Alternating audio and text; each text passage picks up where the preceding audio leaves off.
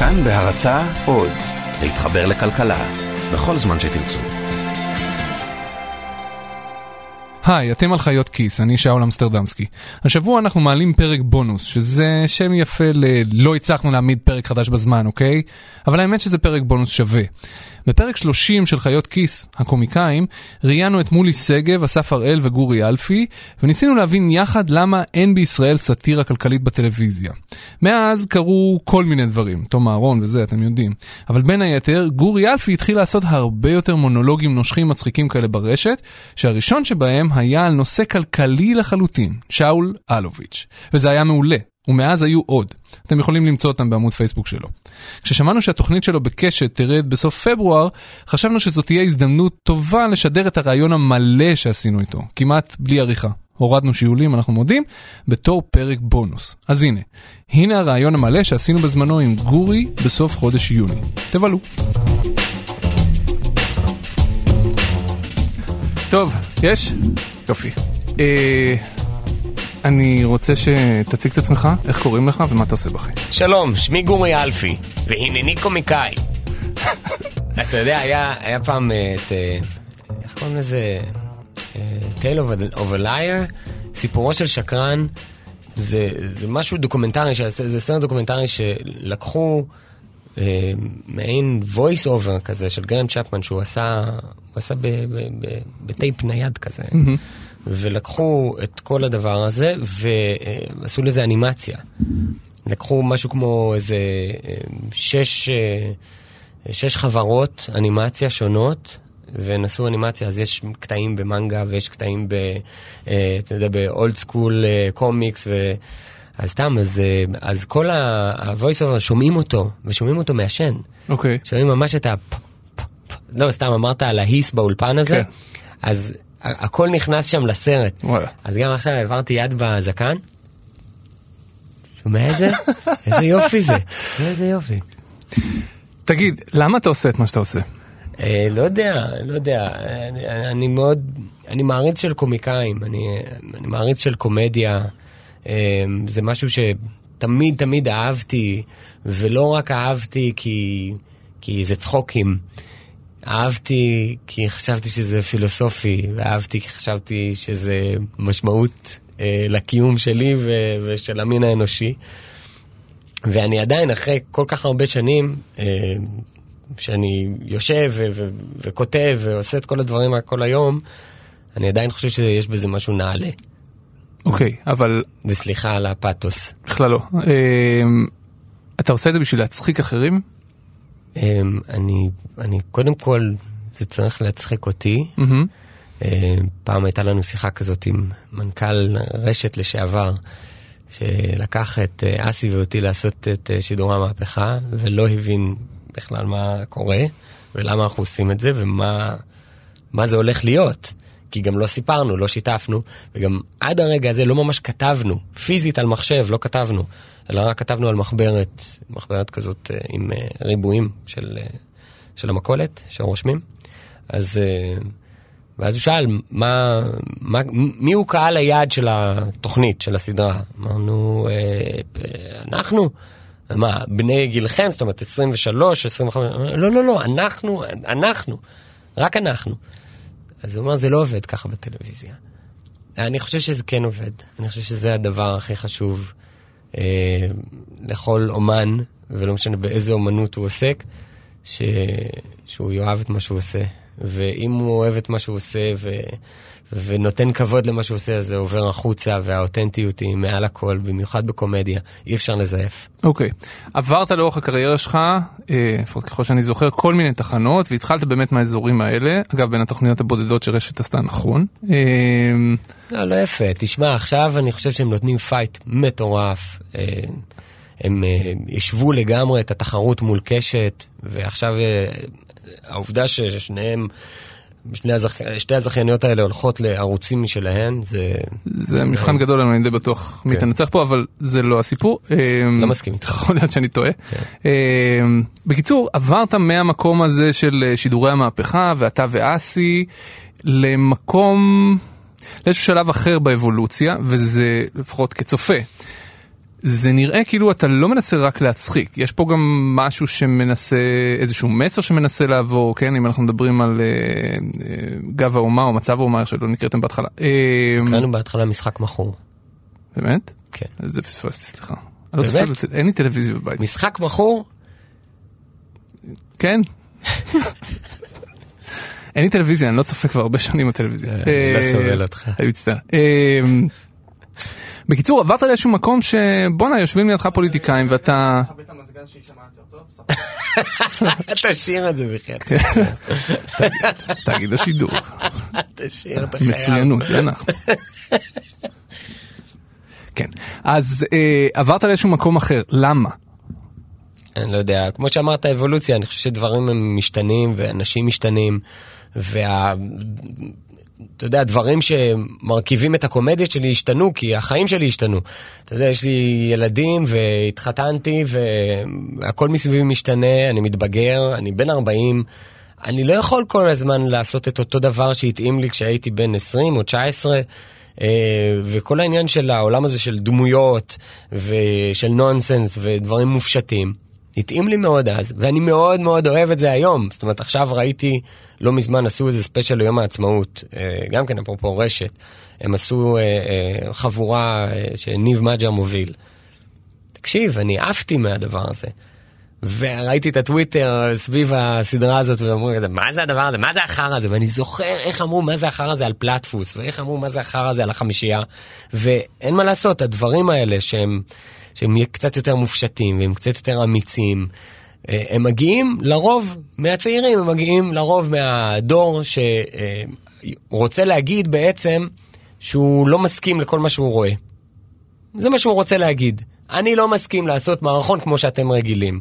אני לא מסכים לעשות דמויות כמו שאתם יודעים איך עושים אותם. ואז אתה מקבל משהו נורא נורא פרש. אני לא יודע אם אני יכול לייצר את זה היום.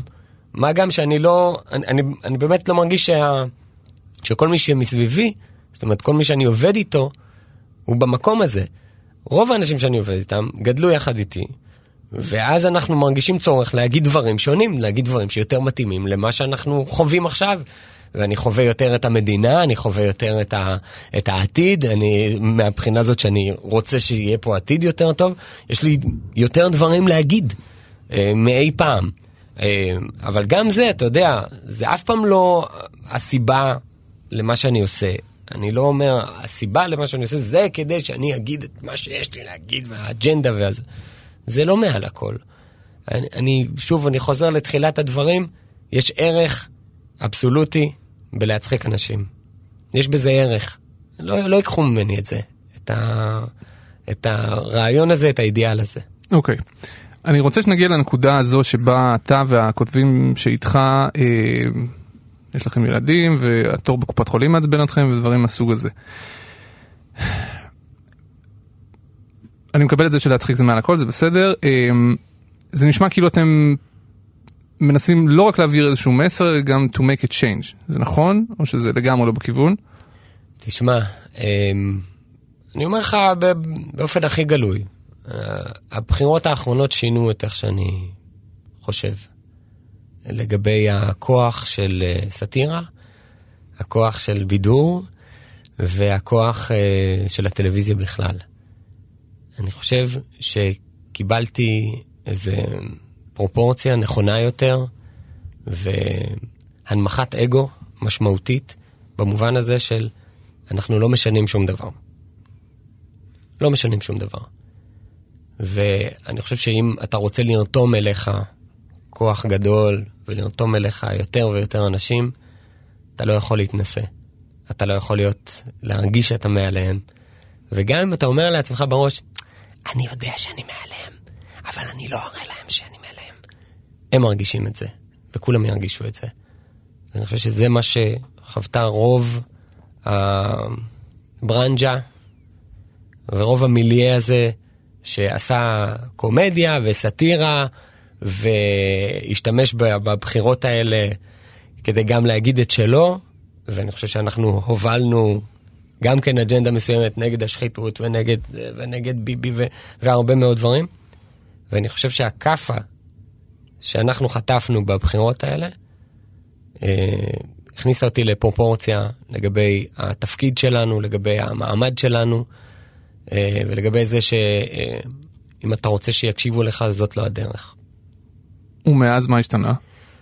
מאז, אה, מאז אני לא עושה יותר בעצם אה, תוכנית סאטירה פר אקסלנס, אני עושה תוכנית בידור, ואני חוזר למקומי היותר טבעי ויותר צנוע, בתור לא מושיע אה, של העם, או מחנך או מטיף, אלא מקום שאפשר להניח בו את הרגליים למעלה אחרי היום שעבר עליכם, ועבר עליכם יום לא פשוט במדינה הזאת, ובכל זאת לקבל את זה בצורה קצת יותר מהנה ומבדרת.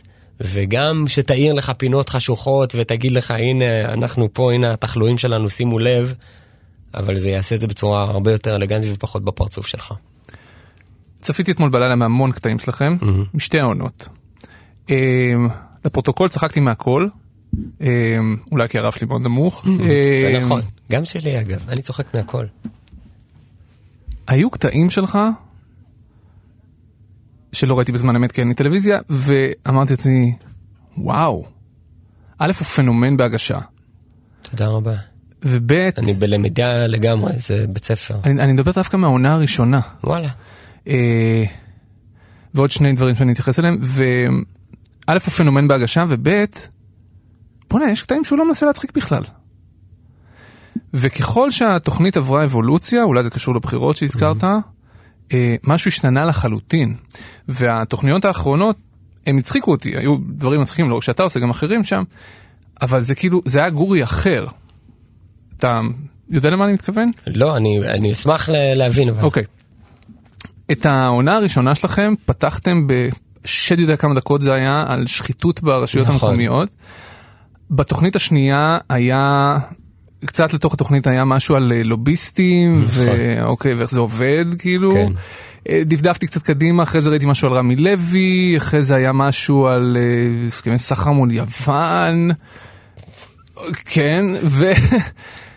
וזה היה וואו כאילו זה היה. טוב עברנו מלעשות בעצם מונולוגים חד נושאיים למונולוגים רב נושאיים.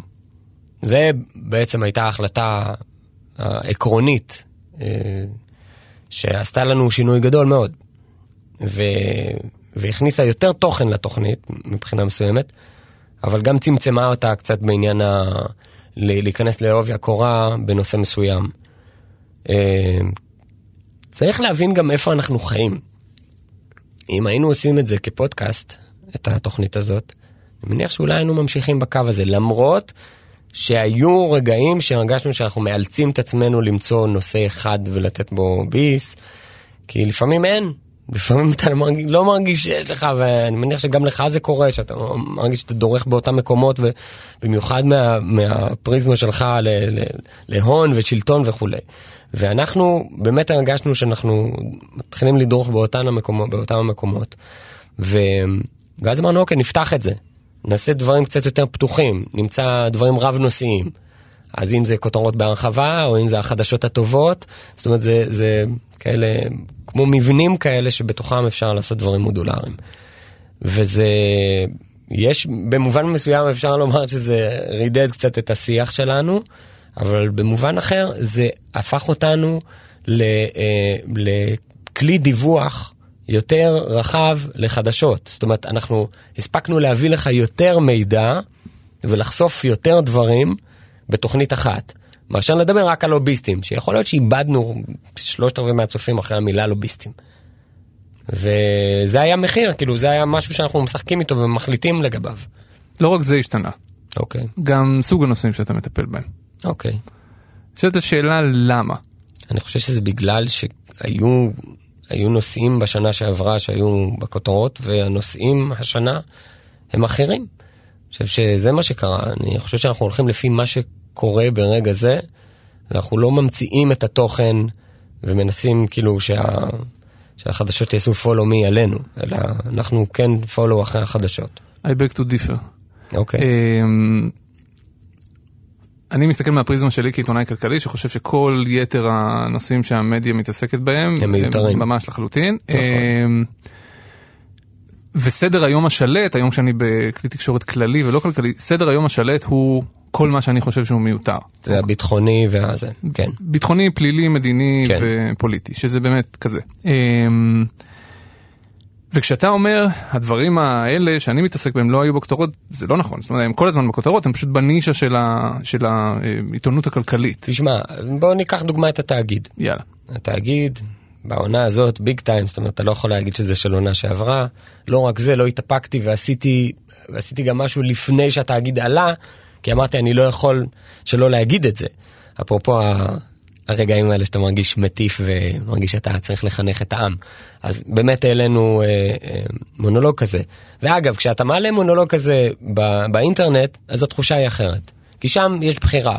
מה, אתה רוצה להגיד משהו מאוד? עשית את המונולוג הזה ועשית את המונולוג של טראמפ. אלה היו שני stand alone ים כאלה. נכון. גורי זה היה מדהים. עכשיו עזוב אותי אני מהפוזיציה תאגיד וזה סבבה שמתי את זה בצד זה היה מדהים בכל זאת. גם זה של טראמפ היה מצוין. אני לא חושב שזה היה עובד אותו דבר באכסניה הטלוויזיונית. למה? כי יש משהו באינטרנט שהוא בעצם אומר, יש לי הסכם לא כתוב עם הצופה, ש... שאתה רוצה לראות את זה. שאתה מעוניין לראות את מה שאני נותן לך, ואם לא, אז אתה פשוט עושה על זה עוף. בטלוויזיה, זה כאילו נכנסת לבן אדם לסלון, ובעל כורחו הכרחת אותו לצפות ולהקשיב, וזה מקומם. זה מקומם אותך, זה, זה מתסיס אותך, האג'נדה הזאת שפולשת לך לתוך הבית. אבל אם זה באינטרנט, וזה מה שאני נוהג לעשות, אם יש לי דברים לעשות, אם יש לי זה, שם את זה בטוויטר, שם את זה בזה, וזה, פה חבר'ה, זה שלי. אתם רוצים, תיקחו את זה, אתם לא רוצים, אל תיקחו את זה, אבל תזכרו שזה בהסכם הלא, הבלתי כתוב באינטרנט לגבי תוכן.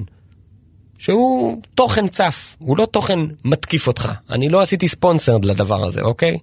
אגב, מעולם לא, אני לא עובד בזה. חסר קלאס. זה נוראי בעיניי. אז לא עשיתי את זה. אתה רוצה, תראה את זה. אתה לא רוצה, תעיף את זה מהפיד שלך. אין שום בעיה. אבל אין לך מה, לקב... אין לך מה להתעצבן על זה. אין לך, זה, כי הרי זה, זה משחק אחר, המשחק האינטרנטי. והמשחק הטלוויזיוני פשוט, יש בו משהו פולשני. ואתה צריך להבין שזה לא אתה משדר ומי שרוצה לראות רואה, אלא זה מישהו כבר רואה.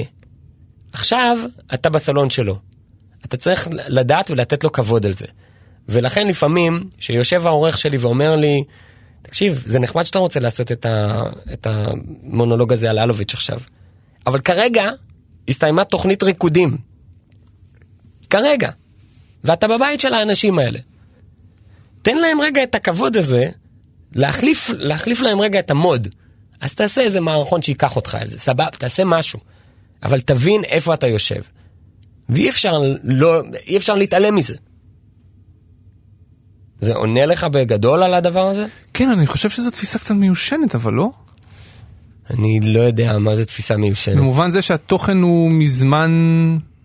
אנחנו בעולם של on demand, גם בטלוויזיה. בין כמה אתה ומי חבריך?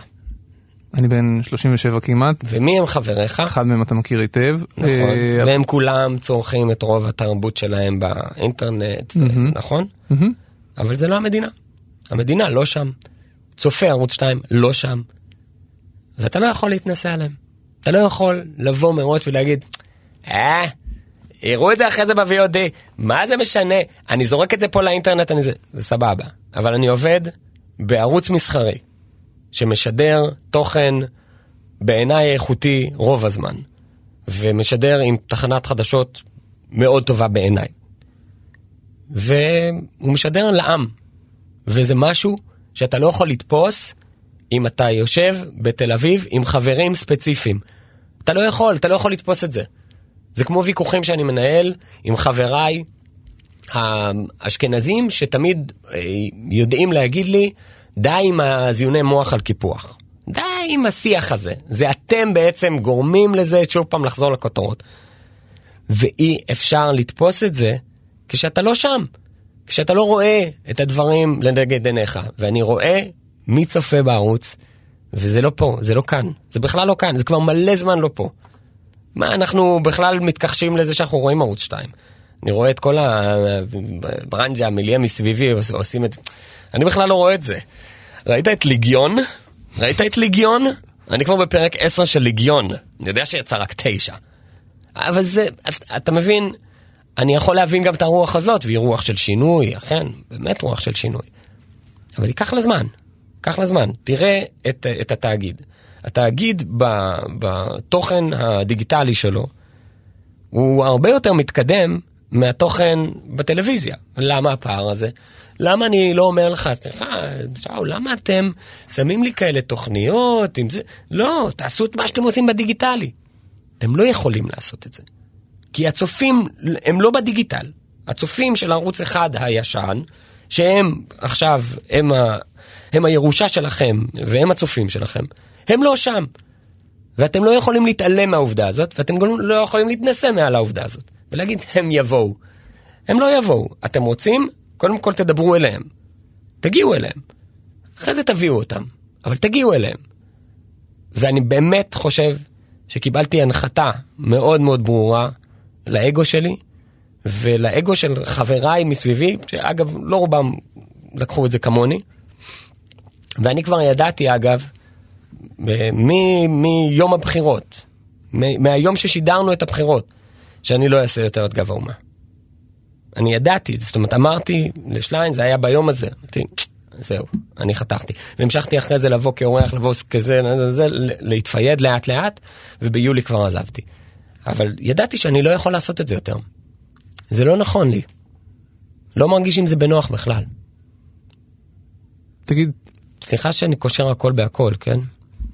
התוכנית הייתה נראית אחרת אם היא לא הייתה בערוץ מסחרי אלא בקייבל? בוודאי. במה זה בא לידי ביטוי? בהמון דברים. קודם כל בשפה. אני, יש לי שפה מלוכלכת. אין לי, אני לא, גם בבית, עם הבנות שלי, מה לעשות, ישמעו כל שירותי הרווחה, אני מקלל, אני מדבר רגיל, כמו שהמוח שלי מתכנן ל- להגיד את הדברים, אני לא בוחל. אני לא בן אדם מנומס מטבעי בעניין הזה. לעומת זאת, כשאתה בטלוויזיה ואתה מבין את הערך של זה, אתה, יש, יש עליך עול ממלכתיות.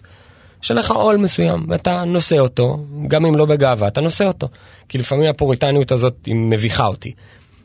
וכשהתחלתי לעשות את האמבטיה, את השיחות באמבטיה, אז גם כן, הרימו גבה ואמרו לי וזה, אבל רגע, אבל מה, אבל זה, אבל אתם ערומים, אבל זה... אמרתי להם, תראו איזה יופי אנחנו מתעסקים בהאם אנחנו ערומים או לא. תראו איזה מדהים זה שאנחנו עדיין בזה. ואז באה מירי רגב ובאה לי בול כאילו עם העניין הזה. של עירום בכלל, ולקבל תקציב ממשרד התרבות כדי... זה, תקשיב, זה היה נפלא.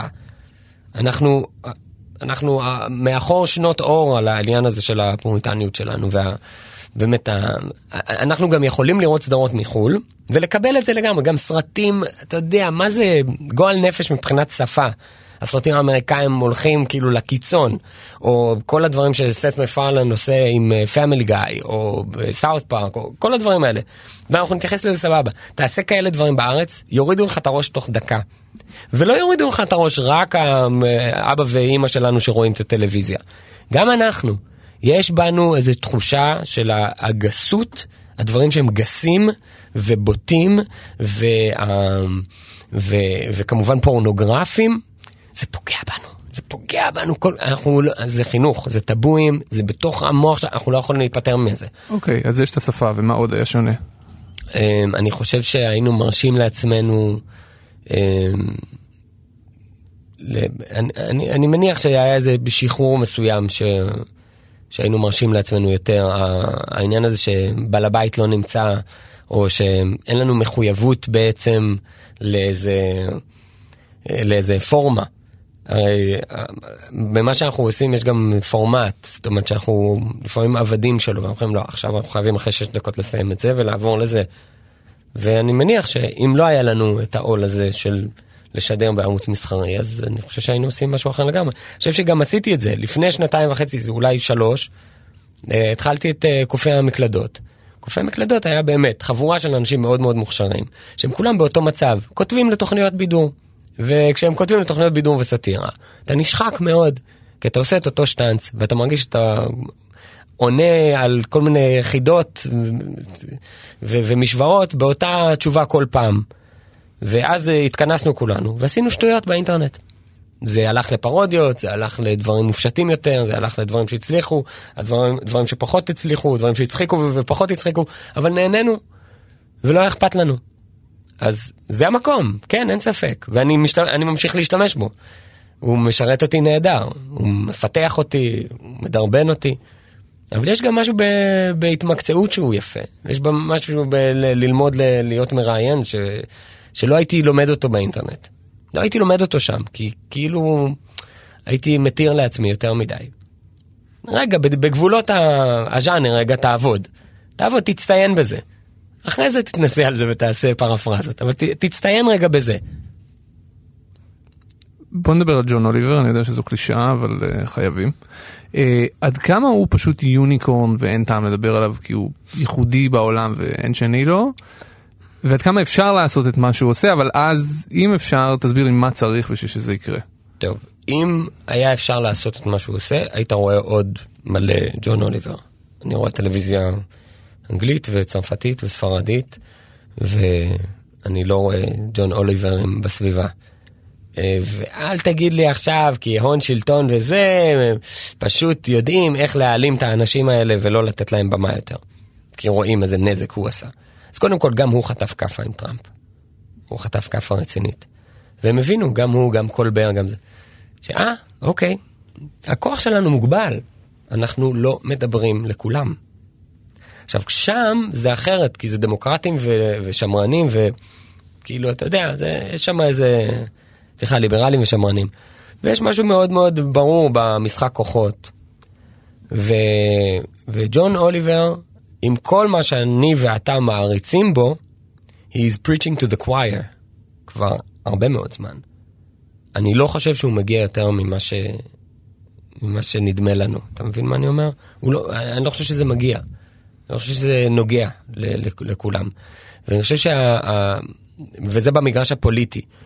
אם אתה מדבר על מגרשים אחרים, באמת מגרשים של הון, או צריכה, או תרבות, או חברה, אז יכול להיות שכן, יכול להיות שכן, אבל גם הוא, גם ביל מאר, גם קולבר, הם כולם חטפו את הכאפה הזאת והבינו שהם לא מדברים לכולם. ותראה מה קולבר עושה, קולבר חכם מאוד, הוא עשה שינוי מאוד מאוד גדול בתוכנית שלו. והוא עבר, אגב, קצת מה שאני עברתי, מלהיות אה, אה, בתוכנית סאטירה לתוכנית בידור. זאת אומרת, והוא, ורואים את התהליך שהוא עובר, כבר שלוש שנים רואים אותו בתהליך, שאגב רק מביא לו יותר צופים, יותר צופים, ואז כשהוא רוצה להגיד את שלו, אז יש יותר צופים ששומעים. זאת אומרת, הוא מגיע ליותר אוזניים עם זה. זה, זה חשוב. זה באמת עובד ככה, או שברגע הזה שאתה רוצה להגיד את מה שאתה רוצה להגיד, אתה... למה שאני אשבור לעצמי את התדמית? כולם אוהבים אותי. לא, לא. קודם כל, לא כולם אוהבים אותי, ועם זה גם כן למדתי לחיות. וזה בסדר גמור, כי פעם הייתי כזה קומיקאי באמת שזה הכל כל כך מופשט ולא אומרת שלא, ו... ואין גם שם מאחורי זה, זה רק איזה דמות או תקווה או זה, זה, זה לא משנה. אבל ברגע שהתחלתי להגיד את שלי, זאת אומרת, בדמותי, ו... ובהתחלה אמרו לי, למה אתה עושה את זה? אתה לא צריך לעשות את זה, אתה גומר לעצמך את הקריירה, תמשיך לעשות דמויות וכיף. כל פעם אגב, כל פעם שעשיתי משהו, אמרו לי למה אתה לא עושה... היה יותר כיף אה, זה. אנחנו נורא רגילים לתבניות ומה שעובד לנו עובד לנו. אבל מאיפה הגעתי לזה? הרגע הזה שבו אתה מגדיל לעצמך את הרייטינג, אבל אז... אוקיי, לא, אם אני רוצה להגיד משהו אז אני אומר אותו ולא שובר לעצמי את התדמית, אז שוב אני אומר, אני לא חושב שאני עסוק בתדמית שלי, אני חושב שאני עסוק ב, בתוכנית ואיך התוכנית נראית, ו, ואם התוכנית אתה יודע, מייצרת משהו, אה, היא לא יכולה ב, ב, בשניות להקריס אותה או לסתור אותה, אוקיי? אם אנחנו מייצרים איזה, איזה אמון ביני לבין הצופה, שלא תהיה פה הטפה. אתה לא תשב פה, אני אעשה לך כיף כיף כיף, ואז אני אגיד לך עכשיו תקשיב טוב. אתה תצביע לכחלון, למה? כי אני לא, אני, אני לא אכנס לזה. אבל אתה כל הזמן הולך לאזורים הפוליטיים ואני מחפש אזורים אחרים לחלוטין שאולי שם לציבור... אבל שם אין לי שום בעיה. הוא עשה 40 דקות על חיסונים. נכון. הוא עשה 20 דקות על ה-FCC. נכון. הוא עשה 20 דקות על אמריקן, uh, uh, נו, על מיס אמריקה. כן, ואיפה הוא משדר? בקייבל. הוא משדר בקייבל. וכמה פעמים הוא עושה את זה בשבוע? פעם אחת. יפה. הוא, יש לו באמת אה, תוכנית מעולה, מושלמת, כתבות מבריקות, גם מצחיקות, גם מאירות עיניים, גם פוקחות אה, ראש, הכל נהדר. וכבודו במקומו מונח. אני לא שם, ואני לא חושב שאנחנו מסוגלים בכלל לייצר כזה דבר אה, בתצורה הזאת בישראל. המונולוגים שעשית, שניהם, התאגיד וטראמפ, היו מאוד באזור. באיכויות שלהם. יודע, אולי זה נגע לך. אני... טראמפ לא נוגע לי בכלל, בוא, אין לי שום עניין בזה. וגם שם עשיתי חמש דקות. זה לא פייר, אתה מבין? אני מעריך אנשים, אני באמת באמת מע- מעריך ומעריץ את האנשים האלה שעושים את הדבר הכמותי. עשיתי דברים ברמת האיכות והנקודתיות כל חיי. שידור המהפכה זה שמונה פרקים, זה כל מה שזה. וואלה. כן. אה, אם יש לנו אה, כל סדרה דוקומנטרית שעשיתי חמישה פרקים, שישה פרקים. כל דבר שעשיתי, עשיתי אותו בצורה קצרת מועד, כי זה המודל האנגלי, וככה גדלתי, ואמרתי, זה, אין, עושים ככה. ואתה רואה את זה גם עם בלק מירור וכאלה. אה, שלושה פרקים, נגמר. וזה נהדר, אבל זה לא חוכמה. ואני מעריץ אנשים שעושים את הדברים היומיים, מתמקצעים בהם, והופכים אותם לפמיליאריים, והופכים אותך לחלק מה, מהמשפחה הזאת, וגם על הדרך מראים כאילו שלל דברים של כישרון וזה, תשמע, אה, אה, אה, ג'ימי אחר, ג'ימי פאלון, אה, פתאום מביא דברים בתוכנית שלו, שנכון, זה קורה אחת ל-17 תוכניות, כי הוא עושה תוכנית יומית, אבל הוא מביא דברים מעצמו, שהוא לא היה מוציא במקומות אחרים. הוא לא היה מוציא, לא ב Saturday Night Live ולא בזה, זה דברים מדהימים. וזה הכל בתהליכים כאלה של, אתה יודע, זה, זה יין כאלה, זה עפיצות, זה לוקח מלא זמן, לוקח לזה, תן לזה להתיישן, תן לזה, יודע, לצבור ריח וטעם. ואני אף פעם לא עשיתי את זה, אני הייתי פחדן, והייתי מתנשא, והייתי במקום שאני כל הזמן מסתכל על התוכניות היומיות האלה ואומר, יאללה, זה פס נע של uh, זה. לא, זה מלאכת מחשבת.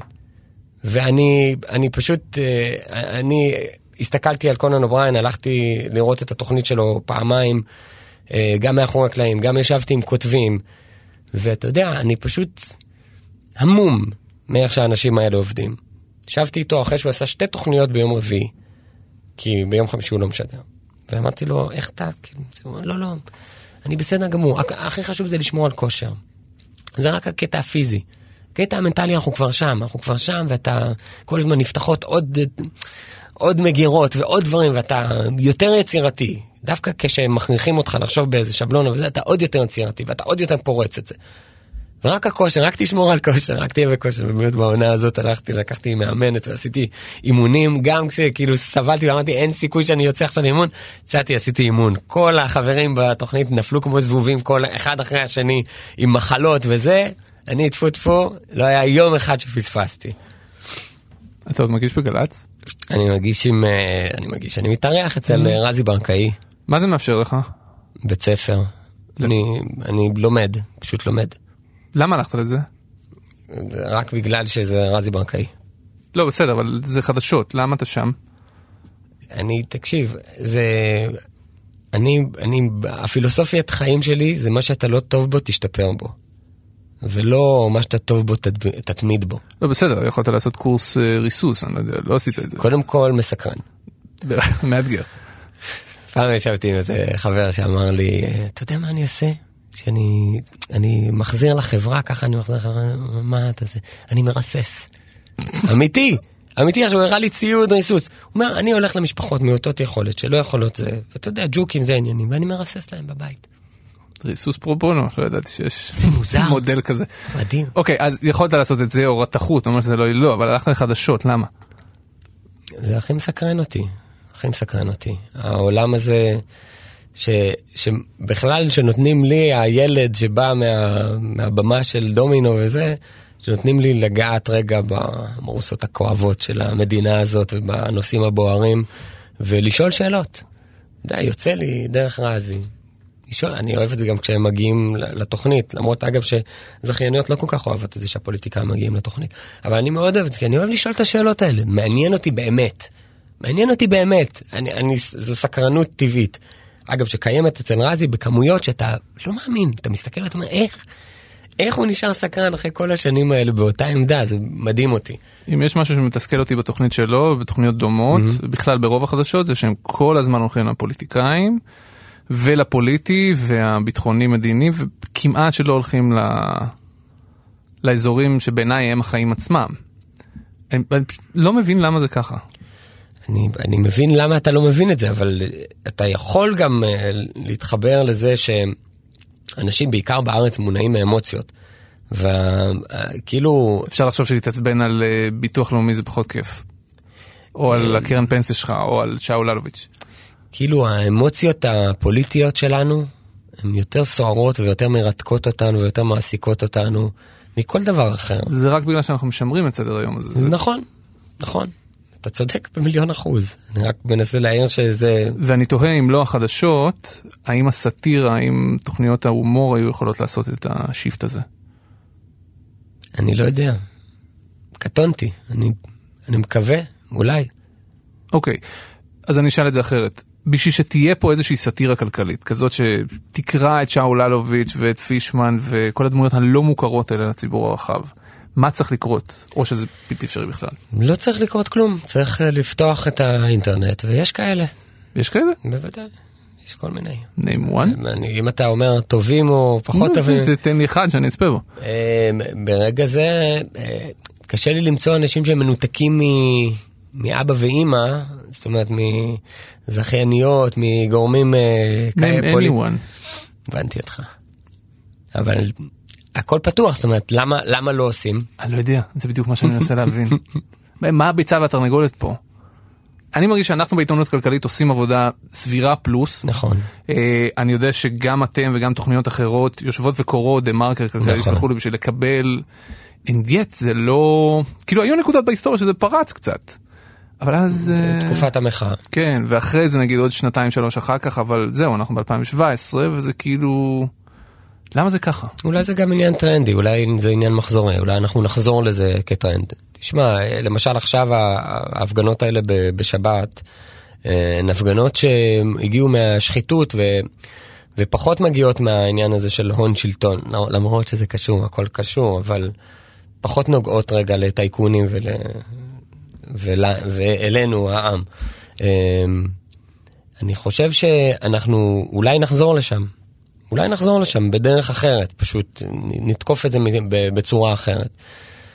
אבל משהו חייב להשתנות פוליטית, משהו חייב אה, לזוז פוליטית כדי שהשיח ישתנה. אני חושב שאנחנו תקועים המון זמן באותה תצורה פוליטית, באותו מערך כוחות. ואתה אומר שימור, אנחנו בשימור הכוחות ובשימור השיח. מה שקרה במהפכה החברתית ההיא היה אנומליה.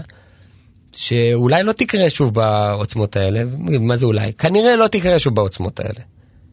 אבל התפרצויות כאלה ואחרות עוד יקרו. עוד יקרו, וזה יהיה שיח. וכשיש על מה לדבר אז מדברים, וגם תוכניות הסאטירה וגם תוכניות האקטואליה, כשיש על מה לדבר מדברים. גם אם הבעלים שלך הוא תשובה, גם אם הבעלים שלך מעורב איכשהו עם בזק ואלוביץ' וזה, אני ראיתי את זה עם וואלה. גם כשהם uh, מעורבים, גם כשנוני וידיעות, עדיין ידיעות גם דיברו. זאת אומרת, בסוף אתה רואה שיש כוח של כתבים וכוח של, uh, של ניוז שהם, שהם עושים את העבודה. הם עושים את העבודה על אפם ועל חמתם של מי שמעליהם ומי שמזין אותם ומממן אותם. זאת אומרת, אני לא בתיאוריות קונספירציה כאלה עמוקות, ואתה יודע, וגיא רולניקיות עד הסוף, למרות שהכי מרתק לשמוע ולקרוא אותו.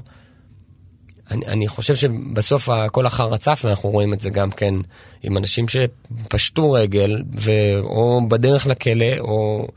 אתה יודע, זה, זה מדהים לראות את זה קורה. תראה איזה קריסות זכית לראות בחמש שנים האחרונות, דנקנר ופישמן, ואולי אלוביץ', אנחנו לא מדברים על קריסה, אבל מי יודע לאן זה יוביל.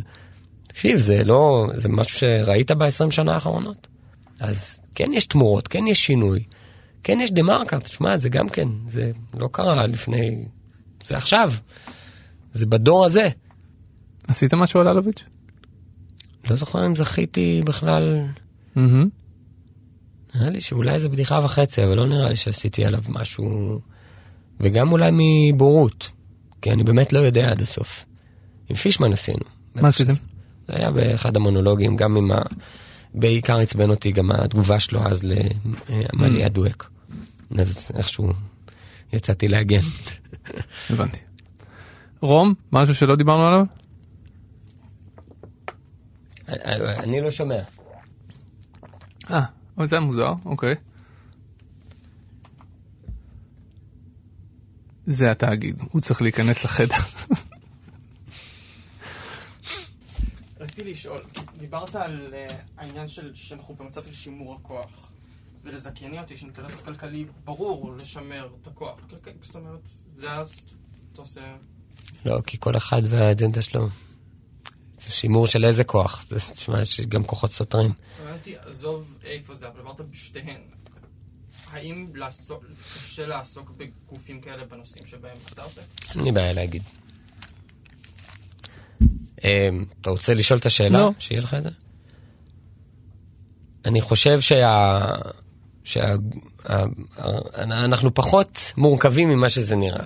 זאת אומרת, זה לא יושבים פה כל מיני אנשים ומזינים את ארץ נהדרת באג'נדה, ומזינים אותי, ומזינים אותנו ואומרים לנו, פחות דיבורים על תשובה, יותר דיבורים על זה. אה, או כשהייתי ברשת, פחות, אה, אה, דיבורים על... מי זה היה שם? האחים. האחים. כן, פחות על האחים, יותר על זה. זה לא עובד ככה. אנחנו לא מקבלים איזה תכתיב. מעולם, מעולם לא קיבלתי תכתיב של אף אחד על מה להגיד ומה לא להגיד. יכלו לסגור את הברנס, יכלו להגיד, עופו. זה בסדר, לגיטימי גם, הכל בסדר. וזה פייר פליי, כי אנחנו בערוץ מסחרי. אין כאן, אין לי ציפייה שכולם פה יהיו אה, טהורים מאג'נדות אה, כלכליות. אתם צריכים להרוויח כסף, זה ברור לי. לא רק זה, למה האנשים האלה, אה, אנג'ל וזה, למה הם כל כך חשוב להם להיות אה, בעלי אה, ערוץ אה, מסחרי? כי זה כל כך כלכלי, זין זה כלכלי. כי זה מקום כן לפרסם, להגיד ובעיקר להשוויץ. אני חושב שזה האינטרס. כשישבתי עם מולי הוא תיאר את זה קצת אחרת. בבקשה. Uh, ספציפית לגבי התוכנית שלך. Uh, שאלתי אותו למה לא עשית משהו על קוקה קולה ואז הוא הזכיר לי שכן עשית.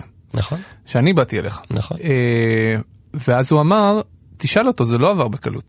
לא, לא עבר בקלות, אבל שוב, זה לא התחיל מתכתיב, אני מסביר. לא ישבתי עם uh, מנהלי הערוץ לפני שיצאנו לדרך ואמרו, הנה העשה ואל תעשה. לא. אני כן חטפתי, זאת אומרת, כן חטפתי, היה איזה משהו שעשיתי על המפעלים, על מפעלי הזיקוק, על בזן ועל זה, ו, ובאמת כאילו, זה אחד הדברים שהכי מרתיחים אותי, ו, ותראה, שמע, זה, זה קורה שם, המחאה שם עובדת, ואמוניה והכל, זה עובד. וחיפה התעוררה, באמת התעוררה, וזה מדהים מה שקרה. אבל אני אמרתי משהו כמו, אה, כושי לאימא שלכם, זאת אומרת, לא במ... זה לא היה כל כך אלגנטי. ועל זה חטפתי. אני אדבר על מה שאתה רוצה, אבל אל תהיה כאילו, בלי הבוז. בלי ה... זה, זה, זה לא אנחנו. אנחנו בכל זאת, אתה חייב להבין איפה אתה. עכשיו תקשיב, יכול להיות שגם הייתי מסיים את העונה הראשונה ולא חוזר לעוד עונה. אבל אני מבחינתי, זאת אומרת, אני הבנתי מה קורה בערוץ מסחרי. הבנתי מכל השנים שלי שם, הבנתי גם את התוכנית הזאת. התוכנית הזאת צריכה להביא כמה שיותר צופים. כשיהיה לך את כל הצופים האלה, אתה יכול להגיד, ואתה יכול לדבר על נושאים, ואתה יכול לדבר על זה בנועם, ואתה לא חייב את הבוז, ואתה לא חייב את הסרקזם בכל פינה. אתה לא חייב. זה לא תמיד המתכון להומור, זה בסדר. זה בסדר גם לי. כי יש בזה את ההתנסות בילט אין. ובעניין, שוב, נושאים ותכתיבים, אני כן זוכר שפעם היה איזה משהו, אם אני לא טועה, כשאחד האחים אה, נפטר, זה היה איזה דיבור על הספינה האיראנית. ואז זה עלה, אני חושב שזה עלה אז במצב האומה עוד במתכונת ההיא, ואני חושב שדיברנו על זה. אני חושב שגם אז לא הייתה לנו, זה, אבל שוב, שם זה, שליין ניהל את כל הדבר הזה מול רשת, אז אני לא בקיא. אה, כמוהו, אני הייתי אורח לחלוטין. זה... אבל אני מעולם לא קיבלתי את הטלפון הזה שאומר, גורי גורי, רד מזה, אנחנו לא נוגעים בנושא הזה, לא עושים את זה. ורולניק התראיין אצלי, וגם היה בהלם, הוא אמר, אוקיי, אז אני אתראיין אצלך, אז אני אדבר רק על השחיתות. אני אומר לו, דבר על מה שאתה רוצה, אני אשמח. זאת אומרת, הם לא ישדרו את זה. באמת ככה, הם לא ישדרו את זה. וזה שודר. ואחרי זה הוא עשה את זה אצל אסף הראל, וזה שודר. בוא נגיד שכל תיאוריות הקונספירציה קורסות מהבחינה הזאת. אני לא מרגיש שיש כאן אה, איזה ארגון סודי, ברור, מיושב, עם אג'נדה, אג'נדה מאוד מאוד ברורה, ומוציא הוראות. לא, לא מרגיש את זה. תצטער להרוס לך את זה. גורי אלפי, תודה רבה. תודה לך. פרק הבונוס הזה ערך והפיק רום אטיק. כל הפרקים של חיות כיס זמינים להאזנה באתר כאן ובכל אפליקציות הפודקאסטים החביבות עליכם. אני אישית משתמש בפלייר FM ומאוד נהנה.